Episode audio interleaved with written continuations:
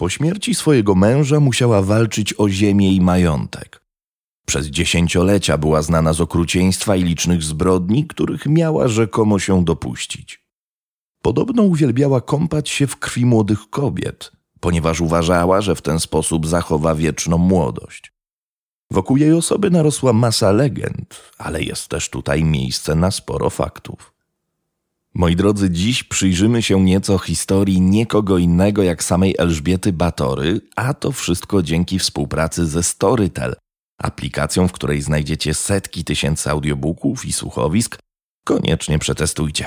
Link do rejestracji w aplikacji znajdziecie w opisie pod filmem, a warto tam zajrzeć, gdyż czeka tam na Was krwawa hrabina, wciągająca historia Elżbiety Batory, fantastycznie zainterpretowana przez Magdalenę Kumorek. Jaka była siostrzenica polskiego króla Stefana Batorego? Odkryjcie jej tajemnicę w Storytel. A teraz usiądźcie wygodnie i posłuchajcie, co o hrabinie mówią dostępne w internecie źródła.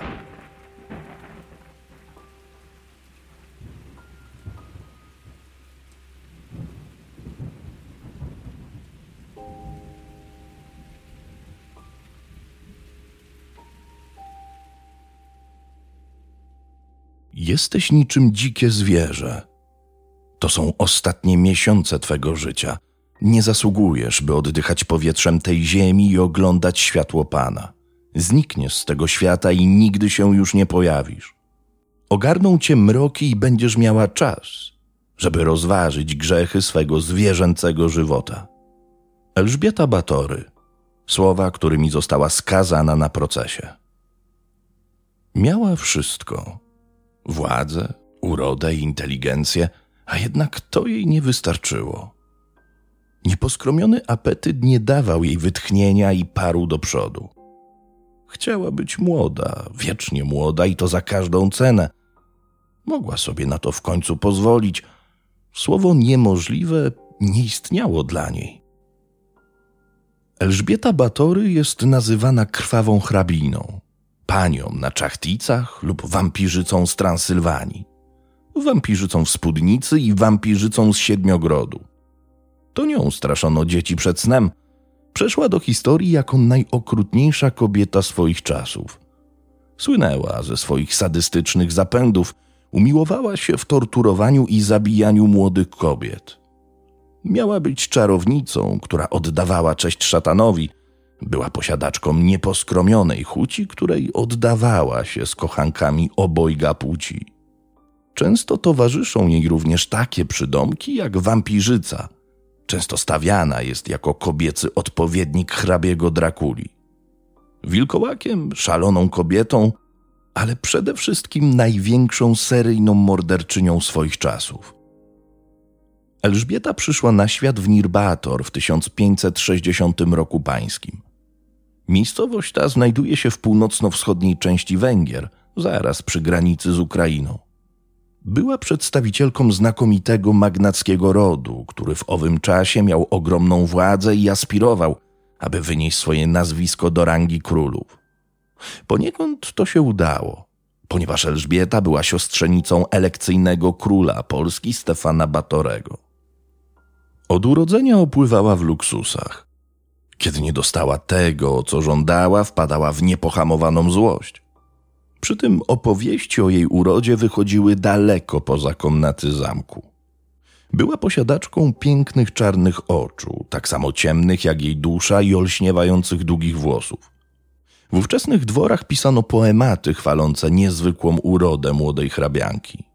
Kolejną niewątpliwą rządzą był pęd do władzy.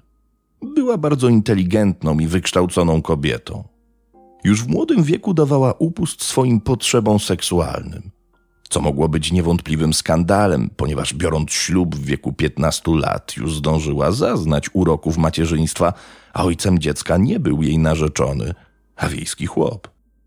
Przyszły mąż na wieść o niewierności narzeczonej kazał kochanka wykastrować, a samego dziecka się pozbył. Oczywiście proces kastracji miała wykonać ona sama i to własnymi rękoma. Na Elżbietę jej przyszłe zbrodnie miały mieć wpływ dwie sytuacje, których miała być świadkiem. W wieku sześciu lat była obecna na egzekucji pewnego Roma, który do tej pory zapewniał rozrywkę na zamku. Być może był on bliżej znany młodej hrabiance, dlatego miało to wywrzeć na jej psychice takie wrażenie, które finalnie przerodziło się w traumę. Mężczyzna został oskarżony o sprzedanie dzieci Turkom. Za swoje przewinienia został skazany na karę śmierci poprzez zaszycie w brzuchu konia. Kolejna, prawdopodobnie równie traumatyczna sytuacja miała miejsce, gdy jeszcze wtedy, jako młoda trzynastoletnia panienka, widziała, jak jej kuzyn skazał 54 zbuntowanych chłopów na karę obcięcia nosów i uszu. Jednak czy te kary odbiegały znacząco od standardów ówczesnej Europy, gdzie w bardzo makabryczny sposób karano swoich poddanych? Być może kary budziły w niej skrywane okrucieństwo. Jak już wspomniałem, Elżbieta w wieku 15 lat wyszła za mąż za magnata Franciszka Nadażdi, który po ślubie przejął jej nazwisko. Szlachcic miał lubować się w torturach i publicznych egzekucjach. Był okrutnym rycerzem, który słynął z nabijania na miecz i podrzucania do góry pojmanych jeńców. Wydaje się, że małżonkowie wspólnie nakręcali się w pętli okrucieństwa. Hrabia znany był ze swojej impulsywności i nieprzeciętnej pomysłowości. Pod jego wpływem magnatka zaczęła eksperymentować z bólem. Oczywiście cudzym. To mogło zbliżyć małżonków i stać za ich udanym małżeństwem. Wszak wspólne hobby znacznie częściej łączy aniżeli dzieli. Mieli wspólnie znęcać się nad jedną ze służących przez polewanie jej miodem, wystawianie na słońce i patrzenie, jak żądlą ją osy i pszczoły. Żona otrzymać miała od męża wymowny podarek parę rękawiczek zakończonych szponami, których miała używać do karania nieposłusznej służby. Mimo wszystko hrabina czuła się samotnie w zamku Czachcice, który otrzymali w prezencie ślubnym, ponieważ mąż parający się rycerskim rzemiosłem był prawie nieobecny. To wtedy nałożnica zaczęła zapraszać coraz to większą ilość kochanków i kochanki. Jej ciotka Klara miała otworzyć przed nią nowy świat – Zapraszała ją na orgie organizowane przez siebie. Elżbieta brała życie całymi garściami, ale jej zawsze było mało. Nie wiadomo kiedy dokładnie hrabina zaczęła interesować się czarami. Na pewno nastąpiło to jeszcze za życia jej męża, który sam pochwalał jej zamiłowanie do szeroko pojętego okultyzmu. Już w tamtym czasie do zamku miały być zamawiane duże ilości mandragory, trupich palców i wilczych jagód. Hrabina w listach do swojego męża zdradzała mu przepis na zwycięstwo w bojach. Tchorko nauczyła mnie nowej, cudownej techniki. Łapiesz czarną kurę i tłuczesz ją na śmierć białą laską. Zbierasz krew i rozsmarowujesz odrobinę na swoim wrogu. Jeśli nie masz szansy rozsmarować krwi na jego ciele, zdobywasz część jego odzieży i smarujesz ją. Apogeum jej okrucieństwa nastąpiło około roku 1585, tuż po śmierci ukochanego męża, który prawdopodobnie został otruty. Straciła wszelkie hamulce, stała się jeszcze bardziej gwałtowna i nienasycona. Dawała upust swoim rządzom. Mogła wszystko. Miała urodę, władzę, pieniądze, wszystko co potrzeba, aby żyć w dostatku i luksusie. Po śmierci męża wyjechała do Wiednia, aby zaznać i podbić towarzysko pałac cesarski, gdzie odniosła sromotną klęskę. Przekonała się, że jej czas już minął. Jej uroda nie mogła się mierzyć ze świeżą urodą młodych panien. Doświadczenie to sprawiło, że jeszcze mocniej zainteresowała się czarami. Bez wątpienia wpływ na to miała jej próżność. Jej uroda przemijała, jej oczy traciły blask, a na jej kruczoczarnych włosach pojawiły się te pierwsze siwe. Nie chciała pogodzić się z faktem starości i całymi siłami, na każdy możliwy sposób, miała zamiar się z tego wyleczyć. To wtedy na ratunek przyszła jej wierna, oddana wiedźma Dorota Shantes, którą Elżbieta już wcześniej darzyła dużym zaufaniem i miała duży wpływ na zainteresowanie magnatki czarnoksięstwem. Wtórowały jej jeszcze dwie kobiety: Anna Darwulia i Katarzyna Benicka. Po upływie wieku trudno stwierdzić, która z nich miała większy wpływ na władczynię, jednak wszystkie wykorzystały jej słabość. W tym samym czasie miała miejsce pewna sytuacja, która stała się punktem zwrotnym w historii naszej hrabiny. Elżbieta uderzyła służącą, ponieważ ta za mocno pociągnęła grzebieniem jej włosy w trakcie ich rozczesywania. Władczyni zabrudziła sobie wtedy twarz krwią dziewki. Po jej zmyciu zauważyła, że pod wpływem tej czerwonej substancji jej zmarszczki zniknęły, a skóra wydawała się młodsza. Nie trzeba było długo czekać, aż szlachcianka doszła do wniosku, że ten cudowny środek pomoże zatrzymać jej upragnioną młodość i witalność. W tym zapewniły ją o słuszności tej tezy owe wiedźmy, które utwierdziły szlachciankę w przekonaniu, że krew młodych kobiet, dziewic jest upragnionym panaceum. W całym procederze miał swój udział pokojowiec Johannes, zwany jako Ficzko. Był osobą niskorosłą, o wyjątkowo przykrej aparycji i jeszcze bardziej przykrym usposobieniu. To on z wiedźmami do zamku sprowadzać miał młode dziewki, najpierw z okolicznych wsi, a potem z coraz dalszych zakątków. Czarna karoca miała przemierzać włości magnatki i porywać dziewczęta. Jeden z lochów został przekształcony w specjalne komnaty tortur. Elżbieta miała torturować swoje ofiary przed śmiercią w okrutny i wyrafinowany sposób. Młode kobiety były umieszczane w zawieszonych pod sufitem małych klatkach. W środku znajdowały się ostre kolce, które po wprowadzeniu w ruch powodowały rany. Tworzyło to istny krwawy prysznic. Elżbieta kąpała się we krwi dziewic co noc. Gdy doszło do tego, że zabrakło dziewic na terenie, którym władała hrabina, postanowiła podjąć kolejne kroki, aby zdobyć drogocenny płyn. Miała założyć szkołę dla młodych, szlachetnie urodzonych panien z biedniejszych rodzin – Zamiast uczyć je dworskiej etykiety i języków obcych, poczęła używać ich krwi do swoich rytuałów. Z jej ręki życie miało stracić ponad 600 kobiet, co czyni ją seryjną morderczynią z najbardziej płodną liczbą ofiar. Elżbieta uwierzyła, że nikt jej nie powstrzyma, że może torturować i zabijać bez opamiętania. Nawet gdy wyjechała do Wiednia, nie zaprzestała swoich praktyk. Przywiozła ze sobą kilka ofiar i narzędzi, którymi później je torturowała. Elżbieta nie starała się już ukrywać dowodów zbrodni. Porzucała ciała w okolicach swojego zamku, gdzie smród gnijących zwłok stawał się wszechobecny. Morderstwo chłopek przechodziło bez echa, ale tamtejsze zniknięcia młodych szlachcianek były już znacznie trudniejsze do zatajenia. Coraz częściej też plotkowano – Kuzyn Elżbiety, Jerzy Turzo, postanowił ze względu na piętrzące się plotki i niedomówienia działać. Hrabina została aresztowana razem ze swoimi wiernymi sługami. Proces odbił się szerokim echem w Europie. Trwał dwa tygodnie. Hrabina została skazana za przestępstwa o naturze kryminalnej, natomiast o wampiryzm i uprawianie czarnej magii oskarżono jej sługi. Byli oni torturowani. Po nich przyznał się do zabicia blisko 40 dziewic, a jedna z wiedźm do pozbawienia życia aż 50 swoich ofiar. Proces był poszlakowy. Jeden ze świadków dostarczył do sądu spis skreślony ręką Elżbiety, na której były nazwiska aż 611 ofiar. W świetle tych rewelacji pomocnicy szlachcianki zostali skazani na spalenie na stosie, a władczynię zamurowano w wieży żywcem. I na tym mogłaby się zakończyć legenda krwawej hrabiny. Ale jeśli uwierzyłeś bądź uwierzyłaś we wszystko, co tu usłyszałaś, to jesteś w błędzie.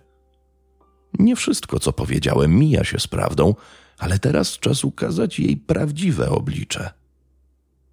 W obliczu współczesnych badań należy podkreślić, że historia hrabiny w głównej mierze jest wymysłem bujnej wyobraźni ludzi – ludzi, którym zależało na zdyskredytowaniu Elżbiety Batory.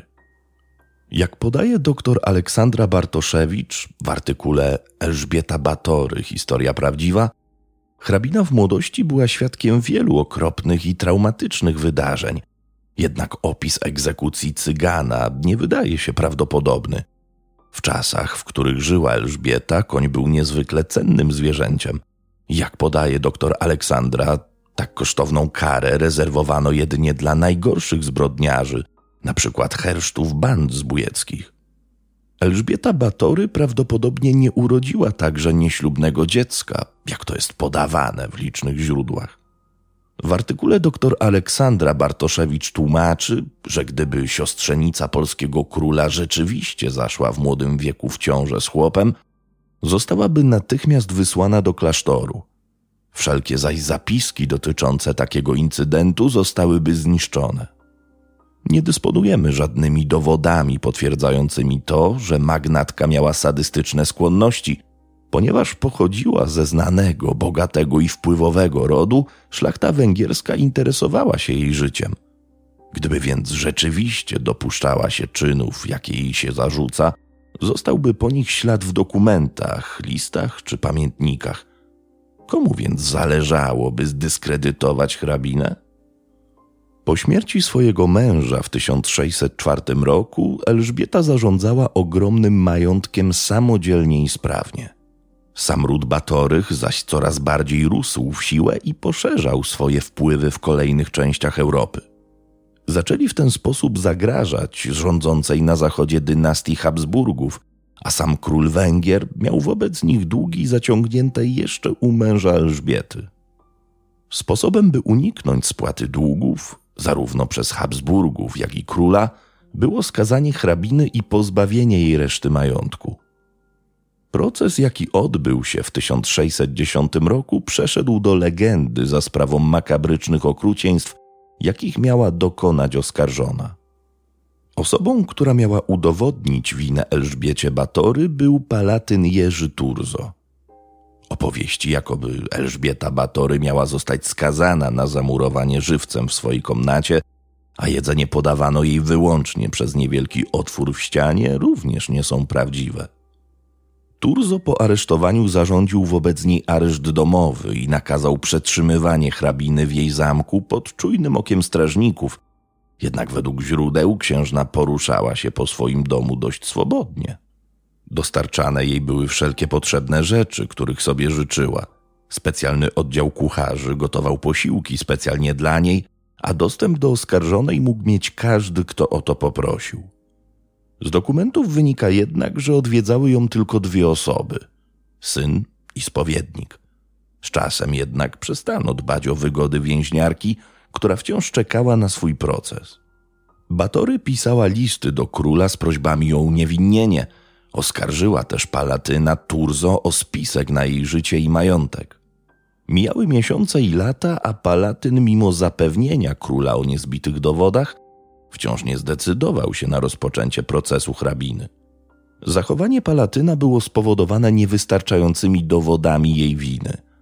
Ponadto wiedział, że w przypadku rozpoczęcia procesu Elżbieta łatwo się obroni i jego plany przejęcia majątku rodziny Batory się nie powiodą.